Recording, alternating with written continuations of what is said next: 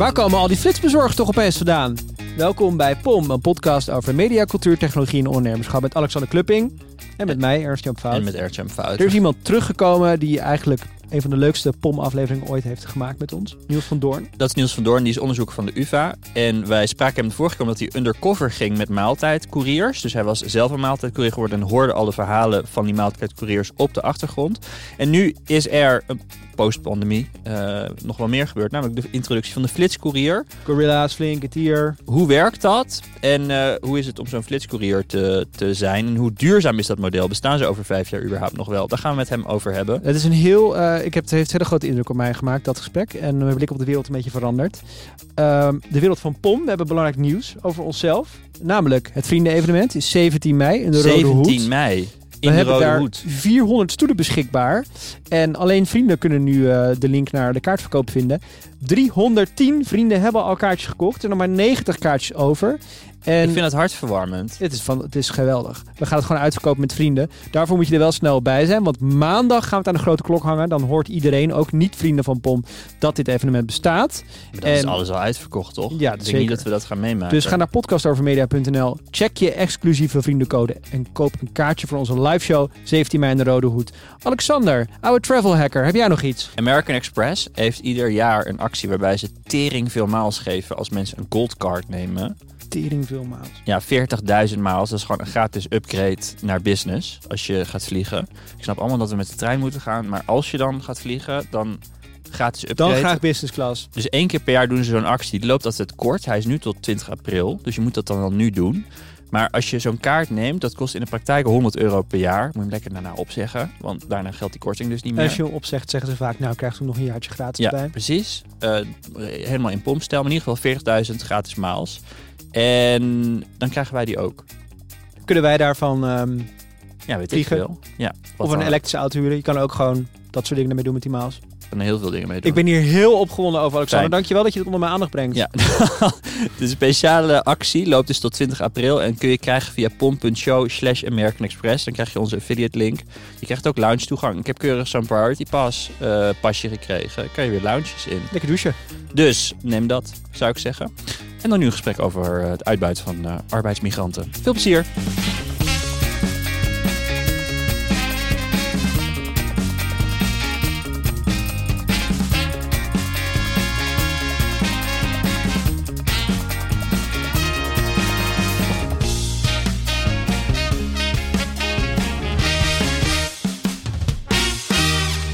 Hey, zullen we even een disclaimer afspreken voordat we aan het gesprek beginnen dat je, dat je gaat generaliseren hier en daar?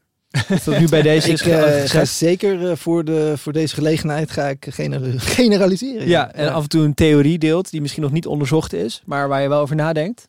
Ook dat. Ja. Uh, soms op mijn eigen onderzoek baseer, maar ook op andermans onderzoek. Ja. Dus dat is wel iets dichter bij de daadwerkelijke werkelijkheid. Nou, dan hebben we dat uit de ja. weg. Ja. En dan kunnen we gewoon vrij uitspreken. Lekker praten. Ja. Want wij spraken elkaar 2,5 jaar geleden. Pre-pandemie. Pre-pandemie. Hij zat even de, ap de apocalypse. Zat het even tussen. Voelt als 100 jaar, zei Ja. je net al. Ja. En uh, eigenlijk heb ik een hele simpele vraag. Ja, dat vorige gesprek was geweldig. Sindsdien geef ik maaltijdbezorgers altijd cash voor je. Uh, Goed. kijk, ik ben anders naar de wereld gaan kijken dat gesprek. Ja. Ze dachten, er is een pandemie is geweest. Wat is er allemaal veranderd in die 2,5 jaar? Ja, want er zijn twee grote rechtszaken geweest, toch? Tegen Deliveroo en Ja. tegen Helpling. ja, en ook Uber natuurlijk nog. En Eh, Uber heeft ook een rechtszaak gehad. Ook allemaal tijdens de pandemie volgens ging mij. dit me allemaal-. Ja, ging het Ja. allemaal over hetzelfde? Ging het allemaal over die, die over de status van eh, eh, ja over de status van of ze werknemer zijn of, of inderdaad uh, uitzendkrachten in het geval van Helpling, maar in, in het geval van Uber en Deliveroo van zijn het nou werknemers of niet. Nou en de shortcut is dat in beide gevallen de rechtbank heeft gezegd in Nederland zijn Uber chauffeurs en Deliveroo riders werknemers en die moeten eigenlijk in dienst. Maar hè, Dat is nu zo. dat is nu zo, maar af en toe twitter ik wel eens van, zijn ze, zijn ze het al? Wat is er al veranderd? En het is gewoon, er zijn eigenlijk, nee, Oh. iedereen is nog steeds, het is dus de allemaal een rechter beetje heeft hetzelfde. gezet, zij moeten werknemers worden. Uber heeft al meteen gezegd, ja, mm, we gaan er eigenlijk weinig mee doen. En die zijn gewoon weer in beroep gegaan, volgens mij. En ehm, Deliveroo, die kan niet meer in beroep, want het was het aller, allerlaatste, de allerlaatste beslissing van de hoge, hoge beroep. Eh, cassatie was ook al geweest. Ja. En, ehm, maar in die uitspraak staat, en dat is natuurlijk, hè, de devil is in the details, is niet van, oké, nu hebben we dat besloten en nu moet Deliveroo dat allemaal gaan reclassificeren, herklassificeren. Nee, Ehm, nu mag ieder individuele rider, als die dat zou willen, naar de Deliveroo komen en vragen om een, eh, een ander contract. Oh, het initiatief ligt bij de riders. Precies. De, de, het initiatief ligt bij de rider. En als die riders voor een groot deel uit migranten bestaan, die deze hele, deze hele zaak ook niet volgen vaak. eh, en als ze het volgen, niet altijd helemaal, eh, helemaal volgen.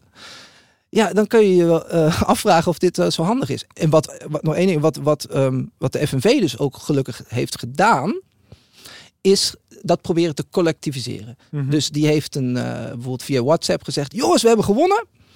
Als je dus je nieuwe contract wil. Eh, als werknemer, er zitten allemaal voordelen aan, vangnet, et cetera. Dan eh, schrijf je in.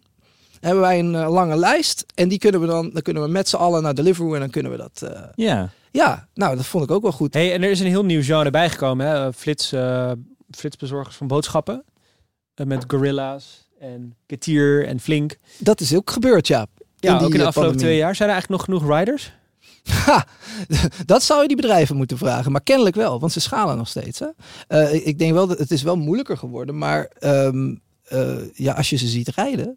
Kijk, ik, ik heb die nummers niet. Hè? Ik heb die cijfers niet. En die, hebben jullie niet. En die heeft, die Nou, je zou eigenlijk de, alleen de aan de pricing kunnen zien. Dat mensen meer betaald krijgen omdat er krapte zou zijn. Nou, ehm, dan moeten we even duidelijk. De, de ehm, Gorilla's, Gettier, eh, die flitsbezorgers krijgen per uur betaald. Hè? Die, die worden in dienst genomen via een uitzendbureau. Dus die, daar kun je niks aan zien. Dat is gewoon een minimum wage job. Een eh, minima, eh, Is dat omdat ze al... Waarom is dat? Waarom zijn zij wel bij een uitzendbureau? Eh, omdat je die mensen beter moet controleren. Omdat het echt om flitsbezorgen gaat. Je hebt 15 minuten. En dan moet je ze ook wel echt aan kunnen houden. Eh, vergeet niet dat als jij een, eh, een ZZP'er bent voor Deliveroo of Uber Eats, dan mag je ook gewoon zeggen: nee, je Ja. kan gewoon die orders eh, rejecten. Hmm. Ja, je vertelde in ons vorige dat- gesprek dat mensen meerdere apps open hebben. En dan... Ja, en ik kijk Kiezen welke welke het beste betaalt. Je Ja. krijgt per stuk betaald. Dus je kijkt, loont deze en dan zeg je accept of, of reject. Oh, dus En dat kan het je model niet- heel anders. Dat Past- model is echt heel anders. Nee. Sowieso is het model anders. Ze hebben eigen eh, stores, hè, die van dark stores en zo. Dus het is best wel wat anders. Het heeft niks te maken met dat, dat via uit, uitzendbureaus in dienst zijn, dat je dan ook meer rechten hebt voor de wet. Dat dat gewoon meer bij de tijdsgeest past. Om mensen minder als een soort van robot en een Amazon warehouse. Ik denk niet dat ze zich daar nu met zo. eh, eh, nee, daar gaat het niet om. Kijk, het, je hebt wel een punt ergens in die zin van er vanwege de pandemie ook nog, ja, Mhm. de pandemie en de publieke gewaarwording, is er ook. Eerst volgt, eh, eerst is de media en het, en het publiek aan de beurt. En dan komt op een gegeven moment de wetgevers, de, de, de beleidsmakers, die, die gaan ook zich meer nadenken. Dus er is wel degelijk een grote shift eh, geweest de, de afgelopen tijd, de afgelopen jaar, anderhalf jaar, in, in eh, ook zelfs op Europees niveau voorstellen voor regelgeving op nationaal niveau om platformwerk, gigwork, beter eh, beschermd te maken. Beter betaald, beter beschermd. Maar dat is nog allemaal re- redelijk ver in de toekomst. En die, die eh, bedrijven als Deliveroo en Uber ehm, zijn daar ook mee bezig. Die lobbyen veel, die eh, bekijken ook naar wat ze, wat ze, hè, wat, wat- ze kunnen veranderen. Maar die, die flitsbezorgers, die zijn daar nu niet mee bezig van, oh, dan gaan we ze alvast maar in dienst nemen. Nee, het, makes business sense. Het is, het is, het is, je kan ze aansturen. Het leidt tot een beter product. Kijk, die, zij maken gewoon cost-benefit analysis. Eh, ehm, en voor Uber en, en Deliveroo, it doesn't make business sense. ja. En ze, nogmaals, al die jaren al dat ik hierover praat, verzetten ze zich nog steeds hand in tand. Steeds op andere manieren, steeds meer praten en steeds meer weet je, give and take en, en, en overleggen en steeds meer aan de tafel zitten in plaats van gewoon niks doen. Ehm, maar ze verzetten zich nog steeds tegen, tegen Ja. in dienst nemen. En in, in ons vorige gesprek was je, en nu nog steeds denk ik, zei dat je heel verontwaardigd was over hoe Uber en al die andere Deliveroo, eh, hoe die werken. En hoe die omgaan met hun, ehm, met de mensen die voor hen Ik werken. ben niet verontwaardigd, ik, ik vind het gewoon eh, slecht dat ze dat ze doen. Ja. Maar ik snap het wel aan hun kant. En die, bezor die boodschappenservices, hoe, wat is je eerste indruk? Ik weet dat je er geen onderzoek naar hebt gedaan, maar wat is als expert je eerste indruk van hoe zij te werk gaan? Is dat wel kosher of, of Eh, heb je hier daar ook problemen? Kijk, het blijft hetzelfde deliverywerk in zekere zin. Maar nu is het gewoon een, een, een, een, eh, een, ja, een, een minimumloonbaantje. Het, het nadeel van, en dat, dit is ook het punt. Als, op het moment dat werd gezegd, oké, jullie kunnen allemaal eh, werknemer worden bij Deliveroo, zijn er gewoon heel veel mensen die hebben, en vooral ook migranten trouwens, maar, maar eigenlijk across the board, eh, riders die zeiden, ja, hey, hallo, als ik dat wil, dan ga ik wel voor thuisbezorgd werken. Want dan word ik ook gewoon in dienst genomen door een uitzendbureau. Mhm. Ehm, en dat hoeft voor mij niet. Want een minimumloon is, dat is het fijne van een minimumloon, dat je er niet onder gaat. Maar het nadeel van een minimumloon is dat je er niet Het is ook een plafond. Het is ook een plafond, precies. En dat staat heel veel van die riders tegen. Want die geloven nog steeds, hè, met recht of niet met recht. Ligt aan je situatie, ligt aan hoeveel je werkt, je situatie. Maar ehm, je kunt altijd meer verdienen ook nog. Als je hard gewoon doorwerkt en, dan, eh, en het is druk en je, het gaat lekker. En het Omdat algoritme geeft je veel maaltijd dingen betaald omdat je per maaltijd betaald krijgt en je, als je, en je kan heel veel uren werken, want het is free login. Dus zij denken, ja, als ik, als ik in dienst word genomen. En dan vertel je ze, ja, maar je krijgt al die, die, die, die, die eh, benefits, hè, de sociaal vangnet en dingen, ja. sociale zekerheid. Ja, ja, zeggen ze. Maar weet je, in, in de praktijk is dat eigenlijk ook maar heel minimaal. Weet je, dat komt, het is niet zo één keer dat je een goed, een goed beschermde, goed betaalde baan krijgt. Nee, het is een minimum wage job, just like a lot of other minimum wage jobs. Eh, en ze zeggen, ja, en dan kan ik niet meer inloggen wanneer ik wil. En, en werken. Free login is waarschijnlijk weg. Want ik moet wel wel degelijk ongeveer aangeven wanneer ik ga werken. Want dat moeten ze kunnen plannen.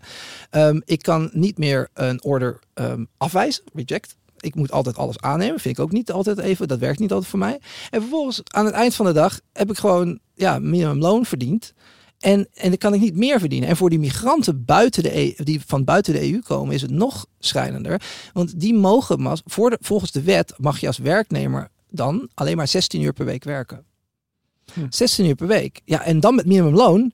Vaak hebben ze schulden voor, voor, de, voor, die, Hmm. voor, die studie, eh, voor die studie die ze hier doen, et cetera, de verhuizing en alles. Die moeten veel meer Maar verdienen. dit is een ingewikkeld antwoord, want ik vroeg, doen zij het dan eigenlijk beter? En jij zegt, het is niet per se voor uitgang voor alle riders dat ze nu die recht hebben gekregen. Nou, nee, eh, doen ze het beter. Het is maar wat je beter noemt. Het is natuurlijk nog steeds een, een, een minimum wage, eh, een slecht betaald baantje, waardoor, waarvoor je gewoon door de stad heen moet crossen. En veel van dezelfde problemen met slechte, weet je wel, fietsen, die ook bijvoorbeeld thuisbezorgd ziet, slecht eh, werk, eh, slechte fietsen, slechte gear. Inherent Ehm, gevaarlijk werk, omdat je je ja. door de stad moet fietsen. Ja, maar ook slecht, slecht product, slecht spul waar je op Mm. moet fietsen en waar je mee moet doen. Dingen, de tassen en, en regenjassen en al. Die, die, diezelfde problemen doen zich nog steeds voort. Ehm, en ja, je moet gewoon continu bam, bam, bam gaan. Eh, ehm, hè, want je, moet, je, moet ach- je hebt geen tijd dus even in en out kan loggen. Het is gewoon, dus het is, een an, net, het is net iets anders. Maar het is niet zo van, doen ze dat dan beter? Het is nog steeds inhumaan werk. Nou, Het is niet humaan werk. Maar weet je, weet- ga eens naar een vleesverwerkingsbedrijf, weet je wel. Ve- Ja. Voor, voor heel, mijn punt is, er is heel veel inhumaan, als je dat wil gebruiken, werk overal. Waar we gewoon veel minder aandacht aan besteden. Ja, soms komt vleesverwerking in het nieuws, of soms komt hè, mensen die op het land werken, of eh, in het midden van de nacht eh, een, een fulfillment center gaan werken voor, voor, voor, voor, voor, Zeker, voor die, voor die PostNL. PostNL, dank je. Ehm, maar dat, dat wordt dat, af en toe besteedt daar aandacht aan en dan verdwijnt het weer. Maar dat is, dat is de realiteit van heel veel van die mensen. En dan is dit soort werk voor velen ook eh, een, een, een, een andere optie die, die wat beter werkt. Die iets meer vrijheid, die iets meer, de- de- wat, wat iets fijner is. Zie- punt, mijn ja. punt is uiteindelijk is, je moet veel meer gaan kijken naar laagbetaalde arbeid en daar uiteindelijk iets aan doen. Volgens mij ben- zijn we daar ook 2,5 jaar ergens geëindigd. We eindigden bij het systeem, ja. Ja, nou, dat systeem kunnen we ook nog van. Waarom is het flitsbezorger er überhaupt nu? Hè? Ik bedoel, eh, Nou, dat vraagt me af en toe af als je hier een beetje over, als je deze lijn een beetje doortrekt, dus van flitsbezorgen en eh, die gig economy, dan, dan eh, daar hadden wij, hadden wij het laatst over. Dan kan je een soort gaan naar een wereld waar er een bovenlaag is die het aan geen enkel comfort ontbreekt, want alles, alles wordt bezorgd of voor je geregeld door, door slecht betaalde eh uitzendkrachten. En een soort onderlaag, een beetje wat je alle beroepen die je net omschreef, die dat Ja. allemaal mogelijk moeten maken. Eh, Ja, wat, maar, wat een beetje op een wereld van 100 jaar of wat is het, 200 jaar geleden lijkt. Denk je dat we, daar, dat we daarheen gaan? Want Alexander vertelt altijd dat flitsbezorgen dat, dat gaat nog veel normaler worden. Het is nu toch maar, nog maar een heel klein daar kunnen we het ook nog over hebben, of dat inderdaad eh, toekomst heeft of niet. Maar eh, om, om je daar iets over te zeggen, ja, ik denk dat dat nooit is weg geweest. Waarom zou dat nu ineens eh, teruggaan naar 100 jaar? Het is toch al, eh, wij, we zijn toch al alle tijd al afhankelijk van mensen die, die, die slecht betaald werk doen. Wie, wie maakt het station schoon? Wie maakt, weet je wel, wie maakt je huis schoon? Wie, wie, wie, wie zorgt voor, alle, de, voor de infrastructuur dat alles gewoon blijft? En dan bedoel ik infrastructuur. Ja, we beginnen toch na de Tweede. Wereldoorlog naar een tijdperk van iets meer gelijkheid, tot, tot dat allemaal afgebroken werd vanaf het tijdperk Thatcher en zo. Het lijkt alsof dat, dat nu steeds meer Ja, steeds nou ja, extremere mate wordt door, doorgevoerd. Ja, we zijn steeds meer met ZZP'ers gaan werken. De- ja, steeds minder hele- rechten voor, voor een, Ja. een, een la- lage, sociaal-economisch lagere klasse. Het wordt nu eh, ook nog zichtbaarder doordat er zoveel aandacht is voor die platformen. eh, die, dat een soort, hè, die daar nu een soort punt van, eh, van, van aandacht voor zijn geworden. Een soort eh, lightning rod. Dat is natuurlijk heel zo. zichtbaar. Ja. Die, die, de mensen in het slachthuis, die zijn minder zichtbaar. Precies, maar daarom wil ik ook die, die, zorg, eh, zorg, of die schoonmakers noemen. Want die zijn echt wel minder zichtbaar, maar die zitten met heel veel van dezelfde problemen. Ehm, maar ehm, Maar zie je dis- deze dystopie, dat vind ik het althans, zie je dat, de- zie je dat voor je? Denk je dat we daar die richting op gaan? Ja, ik nogmaals, ik denk dat we al daar een tijdje in leven. En, Mhm. en ik denk dat ehm, nu is die dystopie nog enigszins, hè, die, die verdeling die je zei tussen mensen, eh, die catering to our every needs, de convenience economy, eh, quick commerce, zoals ze het nu ook noemen met die, met die instant delivery. Ehm, dat is nog best wel toegankelijk voor velen van ons. Hè, zijn wij nou, ja, ik, ik wil niet, ik weet niet wat jullie allemaal op de bank is, hebben. Ernst is ons ver Maar ons jullie- tegen, maar jij en ik zijn, zijn toch wel gewone man, zou ik zeggen. Ja, jij vooral ook. Hè? Ja, Ik laat het precies. Nee, maar eh, voor- Snap wat het, je is, het, is, ja. het is toegankelijk voor velen van ons, ook voor studenten dus. Hè? Eh, die gebruiken hartstikke veel eh, Flink en, en Gorillas en zo. Maar waarom? En dan kom je bij de interessantere deel van het verhaal, vind ik, van waarom überhaupt die hele flitsbezorging er is. Dat wordt allemaal gesubsidieerd door, door investeringsgeld, door Mhm. venture capital, ander soort kapitaal. Door de, ehm, en op het moment en daarom hebben ze ook nog steeds geen problemen met riders eh, vinden, denk ik. Omdat eh, veel, veel riders, eh, ze hebben, er wordt veel, veel geld aan, aan, aan sign-up bonuses gegeven. Hè, geld verdienen als je andere mensen ook meeneemt.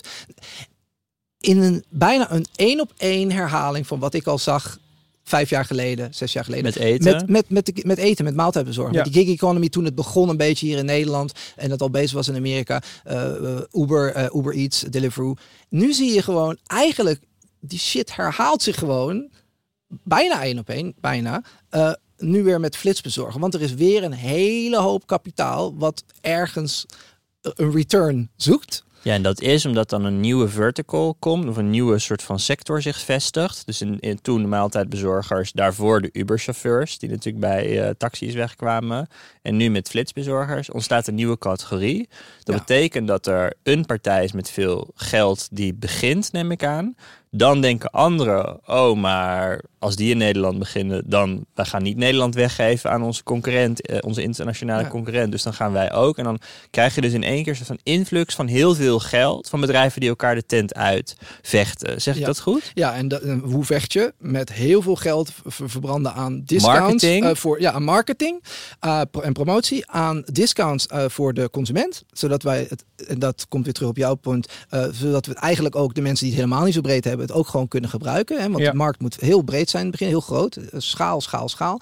Eh, en aan de, aan de eh, bezorgerskant ja, ook, ook promotie, eh, promotieacties en dat soort dingen. Ja, dus gewoon heel veel Heel geld veel geld. uitgeven. En daarmee maak je een markt. Hè? Juist. Daarmee maak je ook die zogenaamde behoefte die we hebben aan 15 minuten. Want dat is natuurlijk gewoon onzin. Ja, ik wist toch niet dat ik een Snickers bezorgd wilde krijgen. in 15 Nee, minuten, en ik wel. zeg je niks nieuws. Ik begrijp, ik begrijp dat ik niks nieuws heb. Maar het is, je moet wel.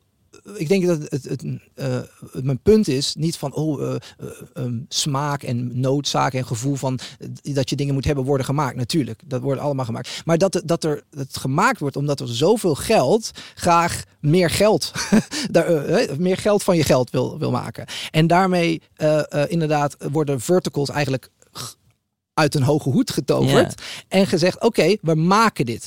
Dus en we anoint, eh, wat is daar het Nederlandse term voor? We, we roepen in het leven de winnaars eigenlijk ook al. Net zoals Ja. Softbank, hè, weet We ons vorige ze gesprek. We benoemen ze eh, op een officiële manier, want we go- gooien zoveel geld in dat bedrijf. En eh, zodat ze wel bijna moeten winnen. Maar dat valt altijd vaak tegen. Want in andere investeerders gooien we heel veel, bedrijf, heel veel geld in Getir. En die gooien het weer in Flink. En die in Gorilla's. En het grappige is, je ziet ook die ehm, zeg maar legacy eh, daarvan. Want nu zijn bijvoorbeeld DoorDash, die heel veel geld van Softbank had gehad. Nu investeert Softbank, of sorry, eh, DoorDash weer heel veel geld in Flink. Wordt doorgepompt. Het wordt doorgepompt. Ja. En, en DoorDash zelf natuurlijk ook aan het ontwikkelen, die 15 minuten. Eh, eh, en andere gerelateerde verticals. Ook software as a service voor, voor gerelateerde restaurants. Dat ze Ja. online een shop kunnen, kunnen maken, dingen te verkopen. Ehm, daar kun je ook, dat is pas high margin. Want dan kan je heel veel geld op verdienen, want er zit geen arbeid bijna achter. Maar ze zijn van alles aan het proberen met al dat geld. En je ziet gewoon dat het Maar opeens was daar zo'n markt. En ik, het, het, het, het verbaasde mij eerlijk gezegd wel. Want ik, eh, ik kende het concept alleen maar uit Azië. Binnen 15 minuten dingen aan je deur bezorgd krijgen. Ja. En ik moet ook zeggen, de eerste keer dat ik, dat ik bij Gorilla's wat bestelde... dacht ik ook echt dat de wereld in een soort van... Wat, hoe kan dit? Het voelde echt Ja. volstrekt magisch. Dat, eh, dat je iets bestelt en dat er... Er zat gewoon een dark store in de buurt. Zo kan dat. Ja, ja, nee, inmiddels begrijp, inmiddels begrijp ik dat. Maar ik Ja. dacht, hoe kan het? Staat er dan iemand de hele tijd te wachten of zo? En je ziet niks van de achterkant. Dus het voelde ook echt magisch. En eh, er was heel veel reclame en heel veel bedrijven op zich allemaal tegelijkertijd.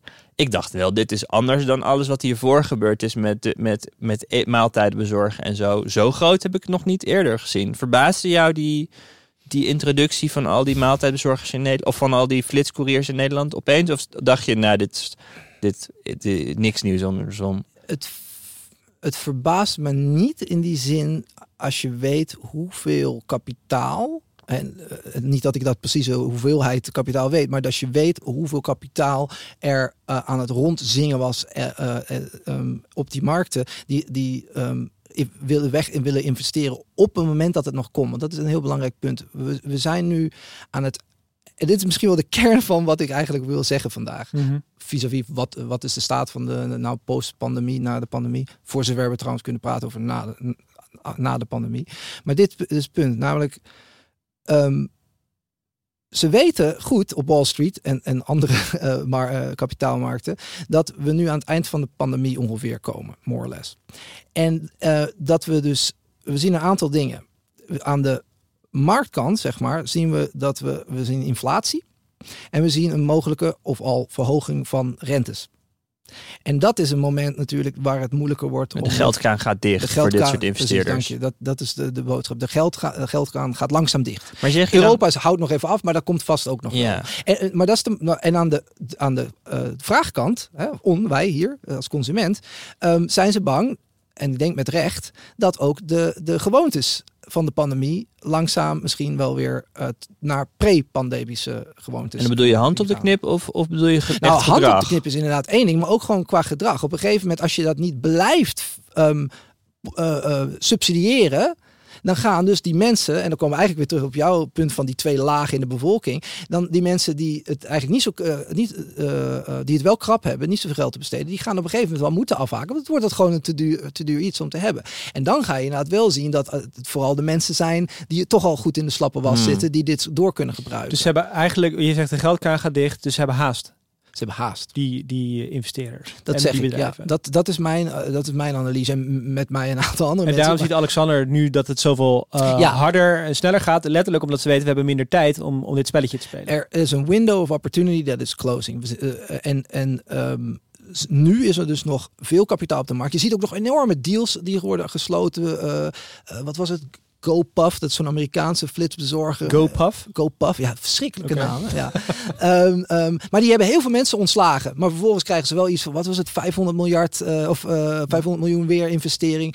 Ehm, dus er wordt, wordt van alles nu nog gedaan, omdat het dan, is, eh, dan wordt het moment van, oké, en nu moeten die bedrijven die al dat geld hebben gekregen, of merger, hè, dus samen eh, worden- worden overnames, of ze moeten gewoon en dan moeten ze laten zien dat ze het kunnen redden. Ja. En dan ga je dus echt een- wel een verandering zien, denk ik. Dan ga je dus niet meer nu superveel alleen maar hè, die promotie en al die discounts. Dan moet er je road to profitability Maar dan komt de consolidatie, dan worden er overnames. Precies, en dat zien we hebben we dus gezien tijdens de pandemie met Ja. eh, niet met flitsbezorgen, maar met zeg maaltijdbezorgen. En een gevolg daarvan is dat wij als consumenten dan de echte prijs moeten gaan betalen.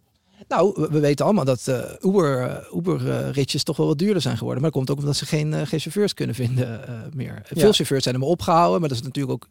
dat is, nee, is een, ik wou zeggen dat is alleen in Nederland, maar dat is, dat is ook in Amerika zo. Zijn ermee opgehouden, hebben iets anders gevonden. Veel in Amerika zijn er ook maaltijdbezorgen gaan doen. Dus en die zijn, nee, maar die zijn erachter gekomen dat ze maaltijdbezorgen eigenlijk wel beter vonden dan, dan mensen ook, want je zegt eigenlijk, er is, er is een soort van rare bubbel geweest, waarin er heel veel geld in een markt gepompt is, ehm, waardoor er meer aanbod kwam, en maar ook waardoor er meer vraag kwam.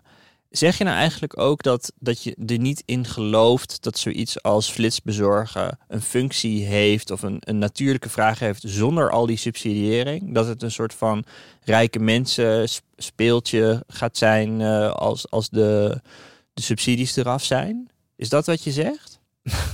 ik, ik, het is inderdaad wat ik zeg, is dat het ge- geen sociaal-maatschappelijke functie heeft of wat dan ook. Het is eh, eh, of het een rijke mensenspeeltje wordt. Wat bedoel je daarmee? Sociaal maatschappelijk? Nou ja, jij vroeg toch op, jij, jij vroeg aan mij van, eh, zeg jij dat het verder geen, geen, Ja. geen functie heeft of dat dat geen toekomst gaat Ja. hebben op die manier dat het nu heeft? En dat, dat zeg ik ja. Het is ge- het, ver- de hele verdienmodel is het vergroten van comfort voor mensen. Ja, en, en weet je, het, het eigenlijk, kijk, het, ver- wiens verdienmodel? Het moet ook wel duidelijk zijn, hebben we het over het verdienmodel van die investeerders of het verdienmodel van die bedrijven zelf? Hè? Want voor die investeerders is het gewoon. Nee, voor, eh, de, voor de bedrijven. Het idee die- is, we nemen iets gewoon- weg wat vervelend is voor rijke mensen. En dat laten we, on, laten we slecht kijk. betaalde mensen doen. zij, er is zo enorm veel ingezet op, eh, op, op, op bezorgen hè, tijdens de pandemie. De pandemie heeft iets losgemaakt, wat al wel aanwezig was pre-pandemie. Maar dat heeft het zo geaccelereerd, zo ook uitvergroot van... Iedereen zit in één keer thuis en online, werkt thuis. Hè, zeker mensen met een bepaalde beroep, ook bepaalde klasse, achter- achtergrond, educatie. Ehm, en alles, mensen zitten thuis en er zitten een hele hoop mensen die vaak minder betaald krijgen, die kunnen niet thuis blijven, want die moeten elders gaan schoonmaken of Mhm. dingen of bezorgen. Dus inderdaad, die tweedeling heb je wel. Maar in, in de pandemie werd dat zo enorm uitvergroot. En hebben, ze, hebben veel mensen toen gedacht, oké, hier moeten we iets mee. Dit is het moment, hè, nogmaals, ook vanwege... ehm, eh, de, Mhm. de, de, de- mensen zagen die bubbel aankomen. Mensen zagen wel eh, eh, ook aankomen dat die, dat die, eh, die, die rente wat, wat eh, omhoog moest. Maar ehm, vooral zagen ze mensen die eindeloos veel online bestelden en deden en betaalden en, en wilden. En dat moet bezorgd, de, de, de fysieke goederen moeten bezorgd worden. Dan zet je natuurlijk hartstikke veel in. Net zoals ze heel veel eh, geld hebben ingezet op fintech, zet je heel erg veel in op, eh, op, op bezorgen. En, en er zijn al die start-ups. Die denken er ook over. Nou, wat, is, wat moeten we nu? Be- Maaltijdbezorgen hebben we al. Wat- Wat, wat kunnen we nou? Wat kunnen we beter doen of sneller? Nou, sneller. We kunnen het sneller doen. Ja. Nou, en dan, dan ga je dat maken. Maar Ik dat ver- is niet alsof we, zo, alsof we nu tijdens die pandemie allemaal zitten te wachten op 15 minuten. Op dat snel. Dat wordt ons verteld dat dat iets is wat hartstikke mooi is. En mensen vinden het ook mooi als het gebeurt. Je vond het magisch. Mhm. Maar ja, hoe vind je het nog steeds magisch? Ja, ik heb het één keer gedaan en zo'n bo- boodschap besteld. Dat was toen ik in quarantaine zat en mijn koffie op was. Het werd dan op vijf meter van mijn huis neergezet. Toen vond ik het ook magisch. Maar dat, dat, toen had het een functie, want ik kon zelf de deur niet uit en mijn koffie was op. Maar ik leefde maar echt in de veronderstelling dat, dat, dat, er, dat Albert Heijn gaat dit ook doen. Jumbo gaat dit ook doen. Werkelijk iedere grote retailer gaat dit nou ja, doen. Jumbo werkt samen met, eh, wat was het, Gorilla's toch? Ja. Eh, ja. Maar goed, dat is nog een samenwerking. Ik zie dat dan allemaal als voorschot, voorbode voor wat er nog gaat komen. Ik, wat jij mij nu vertelt eigenlijk is, het is één grote scam. Namelijk, het groot kapitaal moet geld allokeren. eh, vindt daarin een moment met een pandemie om het allemaal lekker in bezorging te doen. En een duidelijk gat wat er ligt, namelijk Ja. mensen, snelheid is nog iets waar we iets aan kunnen efficiënter maken, zeg Ja. maar. Dat zeg ik. Ja. En er zijn genoeg mensen die zit, verlegen zitten om goedkope eh, baantjes te doen. Dus nou, eh, die, die heb je ook, die kant. en we kunnen heel veel geld in, eh, in abris eh, steken, waardoor we de vraag kunnen creëren. en nou, appeltje, eitje, we gaan het net zo lang uitpersen totdat het... tot, totdat daar- dat geld niet meer geallockeerd hoeft te worden. We gaan er heel maar. veel geld eh tegenaan gooien. Eh, en nogmaals, vanuit welk perspectief kijken we nu? Vanuit de investeerder, die gooien er gewoon geld tegenaan. Zodat, totdat het, eh, een bedrijf van hun wordt overgenomen of verkopen. Ja. IPO is natuurlijk het moment voor de exit. En Ja. dan verdienen ze hartstikke veel geld. Dat is dus ook gebeurd bij veel van die bedrijven tijdens die eerste wave van die gig economy met food deliveries, waar we Ja. het eerder over hebben gehad. Dus dat zeg ik vanuit de investeerder. Vanuit de bedrijven zelf, die geloven er natuurlijk in. Dat moet ook wel. Je werkt daarvoor. En sommige van die bedrijven, zeker de kleine, die hopen stiekem ook dat ze gewoon over worden gekocht. Ja. Dan ben je klaar. En andere die, zoals Getir, ik denk dat de grootste nu Flink, eh Getir en Gorilla's zijn, denk ik toch? Eh, De drie. Ehm, en, en GoPuff dus vooral in Amerika en, en de UK. Ehm, die gaan gewoon door tot de bittere eind, totdat de runway gewoon helemaal, helemaal op is geschraapt. En er zullen, wat jij al eerder zei, natuurlijk, net zoals bij die maaltijdbezorgers, zul je consolidatie zien. En dan wordt het langzaam geïntegreerd in een ding wat we accepteren. Net zoals we nu Hmm. maaltijdbezorg accepteren. Maar de prijzen zullen wel wat omhoog gaan. En ja, weet ik je, vind dan is het het een gewoon... fundamenteel punt, omdat je eigenlijk zegt het is een soort fake markt. Nee, Eh, het is wel echt, maar Dat het is een wordt tijdelijke, gecreëerd. tijdelijke markt. Dingen, dingen die, die worden gecreëerd zijn natuurlijk niet nep. Het is hartstikke echt. Maar je moet wel denken, die, eh, het is een behoefte die gecreëerd wordt. Het is een markt die ja, maar gecreëerd het is, wordt. niet het is allemaal een echte, neergezet. maar het is niet een echte duurzame behoefte, zeg je bij mensen. Want het bestaat alleen maar bij de gratie van dat het zoveel gesubsidieerd. en dat wordt. we allemaal thuis zaten. En, En dat we allemaal thuis zaten en heel veel discounts krijgen. En op het moment dat dat allemaal gaat veranderen, en dat gaat ook veranderen, zul je zien dat een bepaalde groep mensen dat, die dat heel erg op prijs stelt vanwege één, hun budget eh, in maandelijks, of eh, twee, hun levensstijl. Dat nog steeds heel erg kunnen. Inderdaad, dat is dan jouw natuurlijke behoefte, als ik jou Ja. goed begrijp. Dat, ja, voor hun zal het werken. De vraag is alleen, en dan komen we misschien op dat volgende punt. ehm, is dat genoeg qua schaal om er een, om er een goed businessmodel aan over te houden? Dat de Ja. margins, de, de, de- wat is dat Nederlands weer? Mar- De marge. Oh, de marges. De marges eh, ehm, groot genoeg zijn om daar geld aan te verdienen. Dus de marges, de u- nee, maar twee dingen. Hè. Dus dan heb je de schaal qua hoeveelheid mensen die nog overblijven, omdat die dat gewoon eh, active users, om het maar zo te zeggen. En eh, de unit economics ervan. Dus de, dat de marges per bestelling goed zijn. Wat je dus moet doen, is zorgen dat die, veel van die bestellingen nu zijn wat je, jij zei het eerder, een mars, weet je wel. Of wat ijs en, eh, wat wasverzachter, weet je wel. Of wat ingrediënten voor koken. Dat zijn hele kleine orders. Dat, daar, daar verlies je op. Daar verlies je heel erg op. In, in any, eh, of je nou eh, geld er tegenaan gooit of niet. Dus die bestellingen, à la ehm, ehm, picknick of zo, die moeten omhoog. Die moeten groot. En daarom denk ik ook dat ze samenwerken weer met die, met die supermarkten. Want dan kan je dus, eh, dat is goed voor de synergie en, en alles. En je kunt misschien ook eh, eh, where- dark stores delen en weet ik veel wat. Maar je krijgt meer, kap, meer eh, va- variëteit. En je kunt dus grotere orders doen. En dan kan je op de unit economics weer een beetje verdienen. Het moet allemaal veel efficiënter gaan worden. Het moet allemaal eigenlijk weer normaler gaan worden. Snap je wat ik bedoel daarmee? Gewoon het moet weer terug naar de usual business economics. In plaats van die hyped up, Hmm. capital, eh, eh, drugged, eh, ehm, Hmm. Silicon Valley economics die we al tien jaar nu minstens mee, mee leven. En dat zijn we ook normaal gaan vinden.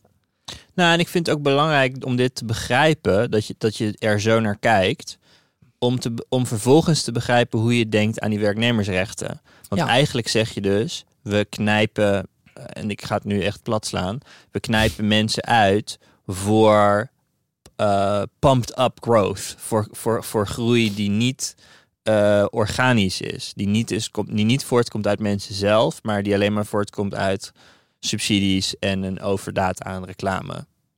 Ja, Dus je moet mensen beschermen, ook tijdens zo'n tegen deze hype. Dit is een hype die wel dan tien jaar duurt.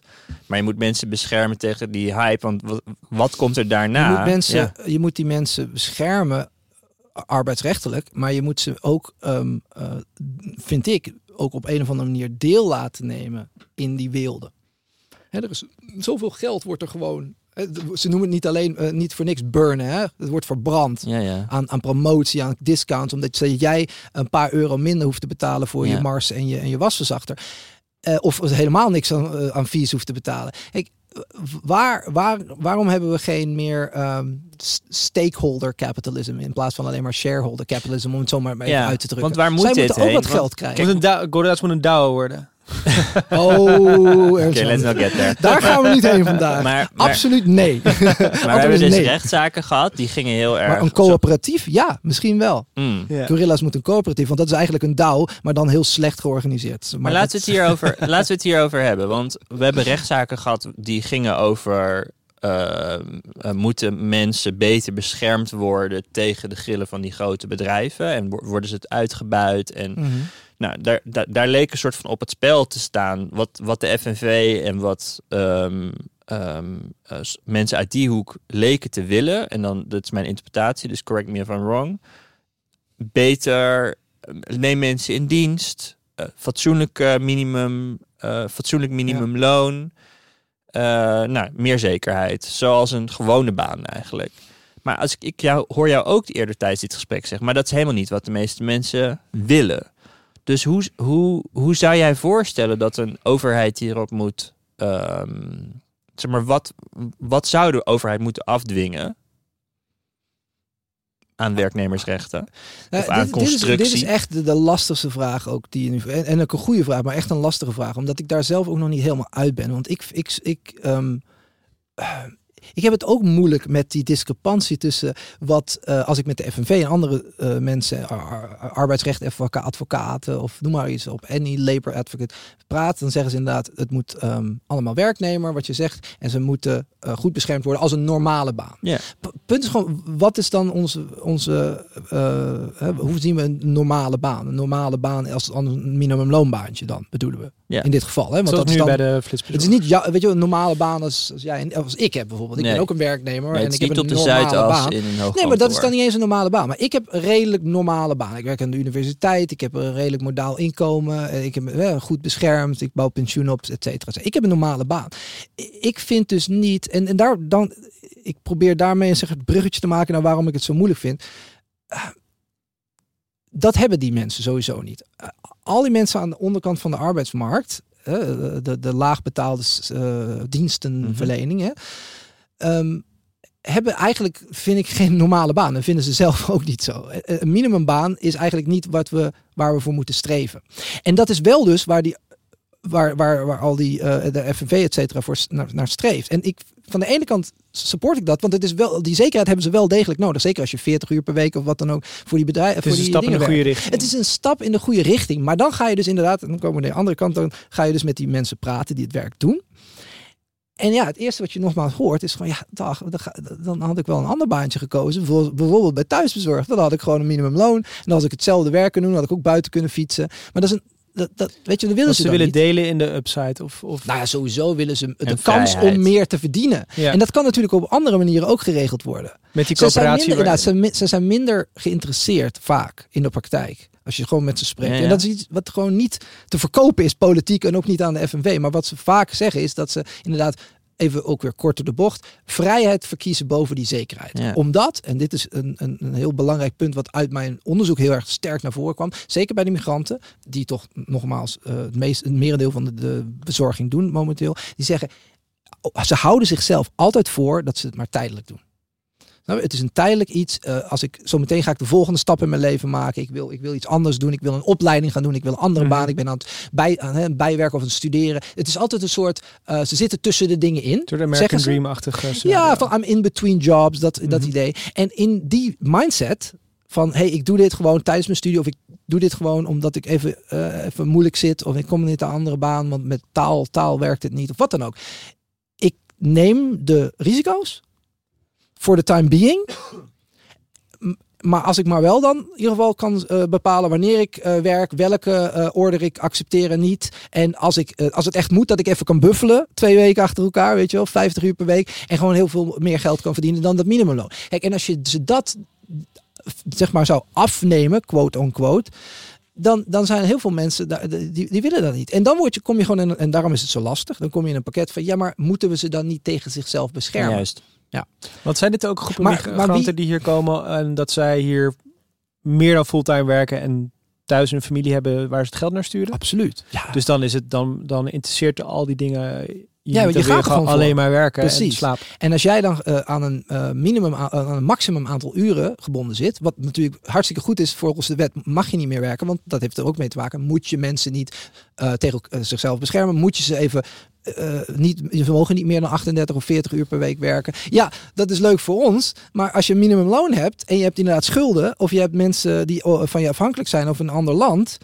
Ja, dan, dan, red je het niet met dat geld. Zeker niet aangezien de huren behoorlijk hoog zijn in Amsterdam en omstreken. Dus je moet wel nadenken over wat, wat, wat hebben die mensen nodig om zichzelf en anderen die afhankelijk van hen zijn te onderhouden. Maar ze 80 uur per week laten werken is natuurlijk ook niet de oplossing. Precies, dat is ook je- niet de oplossing. Nee, want dan heb je, het heeft ook maatschappelijk, Nee. dat is vervelend voor hen en vervelend voor de maatschappij. Want Precies. over, overmoedige mensen veroorzaken ongelukken. En dan heb je 30 mensen voor de McDonald's die, die staan Ja. niks te doen en daar niet voor betaald krijgen. Want als je in dienst bent, ook trouwens met Gorilla's of met thuisbezorgd, dan krijg je in ieder geval wel doorbetaald, ook als je staat te wachten op een order. Hè? Mhm. En dat krijg je dus niet. Dus ik ben daar hartstikke, laat dat ook duidelijk zijn, ik ben daar hartstikke tegen. Maar, maar die coöperatie, is dat het antwoord of zitten er een stappen tussen? Daar zitten wel wat stappen tussen, ja. Want een coöperatie, je kan wel zeggen, ja, we gaan er nu een coöperatie van maken. Nee, Nee. maar ook al zou je dat gewoon poef, magisch een coöperatie van kunnen maken. Ja, ga je mij nu in één keer vertellen dat er dan in één keer geld is voor iedereen? Je moet nog steeds markt, dat is het nadeel van een corporatie, die moet nog steeds wedijveren op een markt met niet-corporaties eh, die gewoon veel, veel diepere zakken hebben Mhm. eh, en ook veel grotere lobbyisten, eh, belangrijkere lobbyisten hebben. Dus dat is veel moeilijker. Een, een corporatie die zou dan door allerlei handen regelgeving en funding, publieke subsidies, moeten ges- gesteund worden door, door de overheid. Dus ik denk dat de overheid daar ook een veel sterkere functie in kan nemen. Lokale overheid of nationale overheid. Of zelfs op Europees niveau. Want alleen maar die regelgeving, dat wil ik nog even zeggen. Die, die regelgeving van ja, het gaat sowieso heel, heel langzaam. Hè? Dus die regelgeving kunnen we nog lang op wachten. Want dat duurt jaren. Maar zelfs al zou het dan komen op dat moment. Dan heb je voor een deel van, de, van die eh, riders heb, heb is dat een oplossing.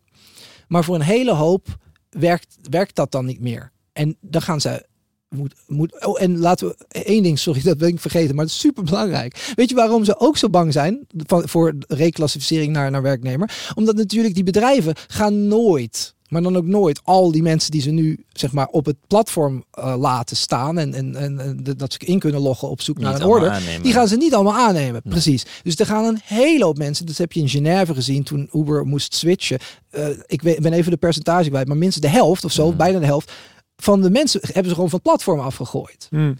Kijk, het is één ding wat heel vervelend is momenteel om zomaar van het platform te worden afgegooid en zonder rechten en je kan niks aanvechten, want dat gebeurt nog steeds heel erg nu. Dus dat is kut. Maar het is ook kut dat je dus gewoon met duizenden waarschijnlijk tegelijk eraf wordt gegooid of honderden tegelijk wordt afgegooid. En dan, en dan wat? En Maar wat zou je dan wel adviseren Ja, onze zijn die stappen Kamerleden? tussen? maar het is, het is, eh, dus, dit ook, het is dus ook heel erg lastig. Want, eh, want nogmaals, wat doe je dan?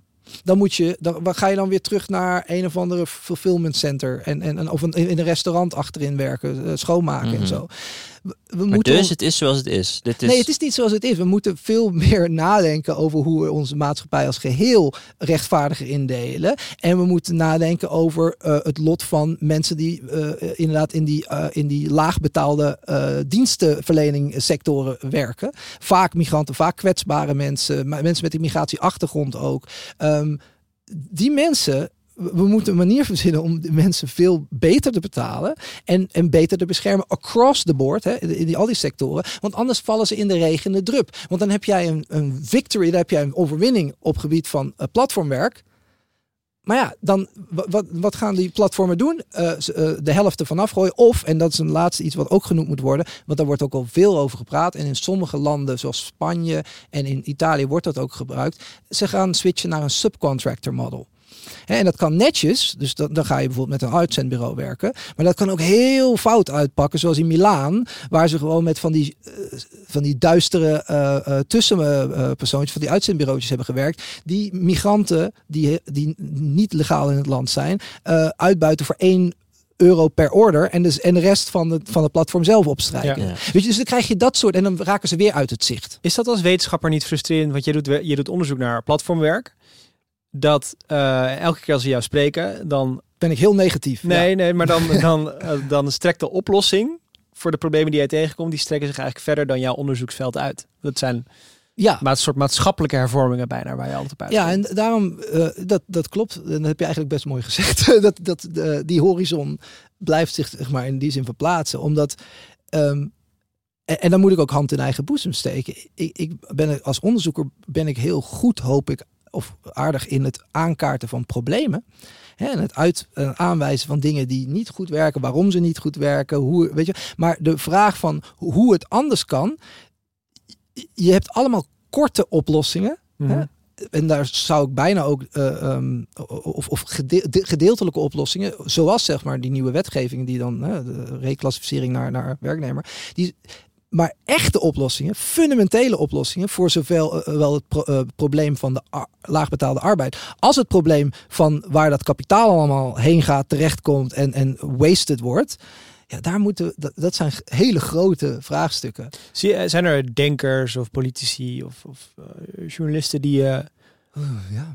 uh, interessante dingen over die maatschappelijke hervormingen ziet zeggen? Ik neem aan dat je, dat je Ja. daarin verdiept. ik, ik, ja, daar verdiep ik me wel in. Nou, kijk, eh, ehm, ik, ik vind eh, mensen als, eh, dat het is inmiddels een, een koppel. ehm Yevgeny Morozov eh, in zijn, zijn, zijn, heeft altijd interessante ideeën die op groot, hè, meer utopisch niveau spelen. Ehm, hoe heet zijn, zijn partner nou ook alweer? Het is Italiaans. Francesca Bria. Ja. Ja. Heeft ook hele interessante ideeën erover. eh, eh, wel ook heel erg op, op co- co-op model. En, eh, Maar wat zeggen zij dan? ja, ik vind het moeilijk om die, om die dingen samen te vatten. Maar ehm, ze denken wel na over ehm, ehm, manieren bijvoorbeeld om. Waar, wat doe je met het kapitaal? Moet je ook geen regels stellen dat kapitaal alleen maar geïnvesteerd mag worden in, in die bedrijven? En moeten we niet meer controle hebben over kapitaal in plaats van alleen Mm. maar aan de eh, controle aan de, aan de arbeidskant? Want anders va- vang je het. Snap je wat ik bedoel? Het is Mhm. een soort funnel of een soort trappetjes. En wij staan aan de onderkant. Ja. Wij als, eh, zeg ik even, de, de overheid hier, eh, nationaal wat. En wij ook eigenlijk, als we, als we erover aan het praten zijn, veel, veel, veel eh, academici. We, we, we staan erbij, we kijken ernaar. En als het eenmaal problematisch wordt, helemaal aan het eind, namelijk met, met migranten die worden uitgebuit voor dit soort werk, of uitgebuit, hoe je het ook wil noemen, problemen ondervinden, dan zeggen we, oh, dan moeten we iets doen aan wat we zien. Ja. Dat Ja. is namelijk het arbeiddeel. Pleisters Nee, plakken terwijl het om de bron gaat. Precies, en je Ja. moet naar boven gaan. Je moet die, die, die schaal even zo bam bam bam trappetjes naar boven. En dan kom je toch uit bij ehm, de mate waarin ehm, ja, financieel kapitaal en mensen die daarin handelen en die dat in handen hebben, investeerders. En daar heb ik het dus niet alleen maar over privaat investeerders. Nee, we hebben het ook over Mm. eh, eh, sovereign wealth funds en andere pensioenfondsen en andere. Ja. Ook publiek geld. Dat wordt ook op allerlei manieren geïnvesteerd die niet goed zijn van onze maatschappij. Of we het dan over klimaat hebben of over, of over eh, arbeidsomstandigheden. En ik vind dat we daar op nationaal en Europees niveau veel meer controle moeten uitoefenen. En veel meer moeten zeggen, oké, waar wat gebeurt er met dat kapitaal? En dat je regels moet stellen dat als... Nu gebeurt het trouwens eh, eh, heel soms op een soort in ethical investment niveau, dus vrijwillig, dat bijvoorbeeld eh, een grote pensioenfonds in, in de UK, in, in, in het Verenigd Koninkrijk, heeft gezegd: wij investeren niet in Deliveroo toen ze een IPO hadden. Nou, dat is hartstikke mooi. Dat vond ik een mooi iets. En iedereen zei ook, ah, mooi, dat is, dat is klappen, klappen. Ja, maar dat, dat is heel vrijblijvend. Zoiets zou je dus ook gewoon eh, met regelgeving moeten aanpakken. Dat je dat gewoon niet eens mag. Mits er in hun eh, eh, filing staat van we, we doen niet een, een, een, zekere belofte of wat dan ook. Ik weet niet precies hoe je dat moet vastleggen. Maar op arbeidsomstandigheden. Ja, ook. Maar gewoon allerlei maatschappelijke verantwoordelijkheden die als een bedrijf dat zou je je aan moeten... de wet houdt. Dat soort dingen. Dat, dat je niet continu inderdaad probeert er onderuit te komen. Maar dat je ook gewoon eh, ehm, een, je, je werknemers laat meedelen in, in, bepa- in, winsten. Maar het punt is, ze maken geen winsten. Dat is het hele punt. Ze leiden alleen maar verliezen en verliezen en verliezen. Dat is het perverse van deze klote economie. Dus eh, weet je, het, het, het, wordt heel, het is, wordt op een gegeven moment ook heel moeilijk om, om goede alternatieven. En dan komen dus collega's van mij zeggen, ja, cooperatives, platform coöperatieven. En dan moet ik altijd een beetje zuchten. En ik vind dat een mooi idee. Maar wat ik net al zei, dat, dat, dat, dat, dat, is ook heel kleinschalig. We hebben op hoog niveau, nationaal en, en, en supranationaal niveau, echt een grote verandering nodig om iets hieraan te doen. Het punt is, waarom gebeurt het niet? It works for the economy. We leven in een tijd van ja, platformkapitalisme kun je het noemen. Je kan het ook rentierkapitalisme noemen. Hè, het rentierisme. eh, waarin gewoon bedrijven vooral gewoon geld verdienen aan het uit... Extraheren. extrahe- dankjewel. Het extraheren van data en fees. eh, geld om maar je platform te mogen gebruiken. Eh, hè, denk ook aan wat voor fees je soms betaalt als je zo van zo'n platform, eh, noem maar een platform, gebruik maakt. Dus dit is een, een volkomen verkut. Sorry voor Ja. echt verrot, Volkomen verkut. Nou, het allitereert wel lekker. een volkomen verrot eh, economisch en sociaal systeem. Eh, ehm, en dan ben ik maar lekker hoe die, die anticapitalistische linkse academische academicus van de UvA. Ja, dat ben ik. Zo mag je me noemen.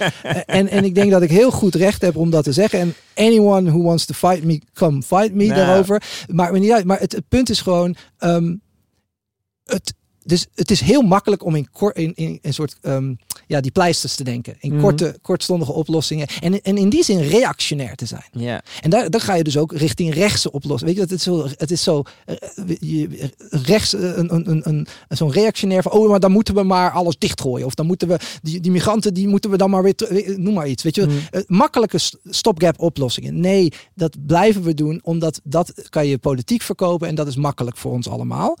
Ook hè, omdat je hebt natuurlijk niet alleen die eh, venture capital cycles, maar je hebt ook politieke cycles om de vier jaar. Dus we, we gooien het steeds, net zoals de klimaatdingen trouwens, Ja. steeds naar volgende generaties, naar volgende eh, politieke cycles. Maar het is grappig, En want je ziet het niet. natuurlijk in de praktijk met die flitsbezorgers. In de zin dat er, toen die flitsbezorgers kwamen, was er, was er al een, een soort van vruchtbare grond voor kritiek op dit soort. Nou ja, dit voelt dan niet als Amazon of Google, maar het zijn alsnog grote techbedrijven met dezelfde investeerders. En Ja, veel dan gaat al heel snel ging de discussie voor mij over iets vrij ongrijpbaars. Namelijk dat het de sociale cohesie zou aantasten. Omdat een dark store in je Ja. wijk komt. En dat je dan eh couriers op de stoep hebt staan. Waar de, waar de buurtgenoten zich aan eh, ergeren. Ja. Dat er drukte is met eh, vrachtwagens die in de straat langs komen rijden en zo. Poor us. Ja. Nou, en als ik je goed begrijp, eh, denk je daar twee dingen over. Eén, ja, dit is problematisch voor een wijk, want dit soort dingen moet je niet in de wijk denken. Maar denk je aan de, aan de andere kant ook, waar hebben we het eigenlijk over? Dit niet waar het over zou moeten gaan. Het zou over überhaupt het bestaan van dit soort bedrijven moeten gaan. Dat ken je me inmiddels toch goed, Alex. Maar Dat toch, is, nee, dat is precies wat. maar Dat zijn die twee dingen. soort ik vind van- het heel kut voor, voor, die, voor, voor mensen die daar wonen. Daar Ja. kan me echt, echt wel wat voor me voorstellen. Ik hou zelf ook van mijn rust. Eh, maar ehm, ja, het, het, het, het, haalt, het haalt aandacht af van de dingen waar we het echt over moeten hebben. Want nogmaals, waarom? Omdat het lekker behapbaar is. Het is heel Ja. concreet. Ja. we moeten af van het concrete. We moeten ons meer uh, uh, proberen te bevragen hoe we het abstracte meer concreet kunnen Ja. maken. Want die financiële wereld natuurlijk, en ook delen van die technologische wereld trouwens, is, is verschrikkelijk abstract. Uh, en ik weet, ik moet ook eerlijk bekennen, ik, uh, ik heb ook niet hier de, de volledige overzicht. Ik denk dat er maar weinig mensen zijn die echt hè, heel veel overzicht hebben. Um, maar je ziet wel dat die, hoe, op welke manieren deze levels, uh, kapitaal, regulering, arbeid, consumptie, allemaal hoe die aan elkaar gekoppeld zijn. En, en ik, elke keer kom ik weer terug, of uiteindelijk eindig ik bij, Ja. het kapita bij dat kapitaal. Maar dat, in, uh, dat, dat is, ja, dus de onderzoeker loopt tegen de beperking van zijn eigen onderzoeksveld Absoluut, aan ja. en concludeert we zijn pleisters aan plakken. Dus ook dat bijvoorbeeld nu gemeentes zijn iets agressiever geworden tegen, tegen dit soort services. Dus die komen met allemaal nou, noodverordeningen-achtige ja. constructies. En dat gaat straks trouwens ook, weet je, dat, die komen dan gewoon weer in andere wijken terecht, waar mensen iets minder mondig zijn en iets minder te zeggen ja, hebben. Dus uh, armere wijken. Dat, maar dat maar je, kan, ja. je kan toch ook. Ik snap dat er dus econo grote economische hervormingen nodig zijn. Dat er licht utopische dingen waar we dat we daarover hebben. Ja. Is het tot die tijd nuttig om pleisters te blijven plakken? Ja, zeker. En ik, ik, ik besef, en dat wil ik ook gezegd hebben, ik besef me ook dat het heel erg makkelijk is om vanuit deze luie stoel, want het is trouwens echt een fijne stoel. Je zit in een goede zit. stoel. Ja, ja. Nee, dat hebben jullie goed geregeld. Um, om, om dit soort dingen te zeggen, want dan schuif je het ook af. Weet je wel, ik, ik, kom jij maar eens met goede oplossingen. Mm. Ja, maar dingen zijn heel erg ingewikkeld en ik loop tegen de, de limieten van mijn eigen onderzoek en mijn eigen kennis, uh, mijn eigen expertise moet ik zeggen, aan. Nou, dat is ook een cop-out, toch? Dat is ook van, mm. nou ja, lekker, wat doe je hier dan, weet je wel? Um, maar dat is wel iets waar ik op dit moment mee zit. En ik wil het wel in ieder geval agenderen en vragen met mensen die meer van uh, uh, samenwerken, ook op, op wetenschappelijk niveau of op gevoel, ge, ge, niveau van publieke discussie. Uh, mensen die meer van deze dingen weten, van samenwerken van oh, wat kunnen we nou concreet doen? Want het gaat mijn petje op een gegeven moment ook te boven. Als je moet gaan denken op macro-economische en, ma en, en op, het, op het niveau van um, macro-economische regulering en zeker financiële regulering, ja, dan moeten er heel wat dingen op de schop. Maar ja, waar, waar ga je bestaan? Uh, dus dat wil ik gezegd hebben. En dan het antwoord uh, op je vraag is ja, nee, dan zijn in de tussentijd moet je blijven, pleisters blijven plakken en moet je ook protesteren. Um, ik, maar dan, dan kom je op een puntje van protest. Kijk, waar we dus in andere landen, zoals bijvoorbeeld dit op dit moment ook nog in de Verenigd Koninkrijk, zijn ze hardcore aan het protesteren en aan het um, um, staken, die uh, riders, voor Stewart, dat bedrijf, uh, ook een bezorgingsbedrijf. Um, dus er is daar echt nog een grassroots protest movement aan de hand. Vooral ook door migranten geleid. Hè? En mensen met een migratieachtergrond. Dus het is niet zo dat die mensen zo hè, niks doen en niks snappen. Dat is onzin. Ze willen wel, doen wel. Maar wat je dus hier in Nederland dan ziet, is dat, eh, hoe goed ik het ook vind dat de FNV hè, die rechtszaken doet en wint ook. Hè, en, en echt zich daarin vastbijt. Ze hebben dat wel te kosten laten gaan, vind ik, eh, eh, van een soort het cultiveren van een grassroots Hmm. arbeidsmovement waar die migranten ook bij betrokken zijn, waardoor ze ook beter zouden misschien, weet je, kunnen, Ja. in, discussies beter eh, zich bewust kunnen worden van wat er op het spel staat en wat ze ook wel kunnen winnen en dat soort dingen. En dat ze ook meer erachter staan, want de achterban is de FNV een beetje verloren. En het wordt op een gegeven moment die rechtszaken gaan op zichzelf staan en worden een soort principe kwestie voor de wel voor de verzorgingsstaat van Nederland en we moeten dat hier moet een lijn in het zand Hmm. trekken. Goed, ik ben het daar gedeeltelijk dus mee eens. Ik sta weer echt zo op dat op dat in het midden, want ik ik ben het daarmee eens. Maar dan ga je dus weer met die mensen praten. En dan zie je dat ze eigenlijk niet, geen connectie meer met, de achter, met een deel, althans van de achterban hebben. Die gewoon elke keer zuchten en denken, ja, whatever. Want, nogmaals, ze zien dat er niks verandert. Daar begonnen we toch dit gesprek mee. Zijn ze al, zijn die delivery eh, eh, eh, riders al eh, gereclassificeerd? Nee. Willen een hele hoop mensen dat? Nee. En dan moet je je dus gaan afvragen waarom dat zo is. Nou, en ik denk dat we dat eh, eh, aardig hebben besproken. Ja. eh, de- in de afgelopen, kan al nog activist tijd. worden. Ja, dat kan ook. Ja, Volgende ik- stap ik naar de wetenschap. ja, wat na te doen na de wetenschap. Ja. Maar het Nee. is wel een beetje zo'n the more you know gesprek, toch? Het begint, het Ja. begint op, op heel, iets heel praktisch. Namelijk, hoe, hoe kan het dat er een courier binnen 15 minuten voor mijn huis staat? En waar komt die courier vandaan? Wat deed hij hiervoor? Wat, eh, wat is eigenlijk Ja. zijn drijfveer om bij mijn huis te komen in 15 minuten? Ja. En, en eindigt toch een beetje met een soort van ja, enorm groot, eh, groot vraagteken, wat me ook een beetje lam slaat, eerlijk gezegd. ja, het is ook demoraliserend. Ja, het is demoraliserend. En ik, ik, ik kan me dan. Ik, ik snap daarom ook wel wat je zegt over. Nou, dus in de tussentijd rest niks anders dan pleisters plakken. Want je moet iets Ja. doen in de. eh, Ja. opstap naar iets rechtvaardigers. Nee, dat is ook zo. Ja, Pom de Dunning Kruger effect editie. Ja. Ja. ja nee. ehm, Maar ik ben wel wijzer geworden. sorry dat ik jullie zo gedemoraliseerd heb. Op de, iets wat op Vorige keer was het overzichtelijk. Hoefde alleen maar Ja. cash voor je te geven. Maar nu, eh, nu moeten we naar Malieveld. Ja, nee, be- eh, het bericht is nog steeds, eh, blijf je, eh, je, je, je riders allemaal voor je geven. En ja, maar vorige keer kwam het er ook uit. Ik, kan je nog, ik hoor je nog in mijn, acht, in mijn achterhoofd zeggen, de Saoedi's! De Saoedi's! Ja. Nou ja, dat soort grote eh, funds, eh, de Vision Fund bijvoorbeeld, het bestaat nog steeds, gooit er nog steeds geld in. Dus het is nog steeds diezelfde richting die we op moeten kijken. En zo rommelen we door. En zo, nee, en zo rommelen we door. En zo zullen we misschien ooit nog wel eens een derde gesprek hebben. En dan beloof ik dat er een keer een, eh, een, een, een soort... de eh, wereld. nou, nee, dat, nee, dat, dat we eindigen op een meer Arbeidsverhoudingen. noot. Ja, nee, nu maar zijn we wiser en sadder. wiser en sadder Ja. op een donderdagochtend. Ja, Ja. ja. sorry, meer kan ik er niet van maken, jongens. Dankjewel, Niels. Dankjewel, Niels. Dank je, graag gedaan. Dit was POM, een programma van Alexander Klupping en Ernst-Jan Fout. En een team dat hen werkelijk fantastisch aanvult. Mijn god, wat doen ze dat goed. Wat rolt dit er soepel uit, Bianca schrijver voor de redactie, Botte Jellema als opnameleider. We horen bij het podcastnetwerk Dag en Nacht Media. Geen idee hoe je dat in Deens zegt. Onze huisstijl is ontworpen door Verve, de Juno Tambe. En wie die memes op onze Instagram maakt, die citeert tegenwoordig ook gewoon privéberichten op WhatsApp. Maar goed, dat is ja, dus geheim wie dat game. doet. Alles met jou is fair game. We kunnen dit niet zonder onze vrienden van de show. Eh, en ik zeg nog maar even één keer. Als je naar ons event wil komen op 17 mei in de Rode Hoed, zorg dan dat je nu kaartjes koopt. Er zijn er nog maar 90 beschikbaar. En maandag gaan we het breed promoten. We laten het gewoon lekker onder vrienden uitverkopen. Check podcastovermedia.nl voor je korting. En eh, voor 49 euro per jaar kan jij ook vriend worden. Kan je ook meteen het kaartje meepakken. Ik hoop dus dat het lijstje van namen die we nu gaan voorlezen, dat we die gaan, ook gaan zien bij het komende vrienden-evenement. Ja. Dat die zeg maar vriend zijn geworden omdat ze naar het evenement wilden Dit gaan. zijn allemaal hele verstandige mensen die vriend zijn geworden. Laten we ze welkom heten. In ieder geval heten we jullie welkom. Of je nou komt naar het evenement of niet. Bas, Dimitri, Paul, Joni, Rick Dijkhoff, Elias, eh, Bubbelkit, Evert Pronk, Koen Julia. en Filip.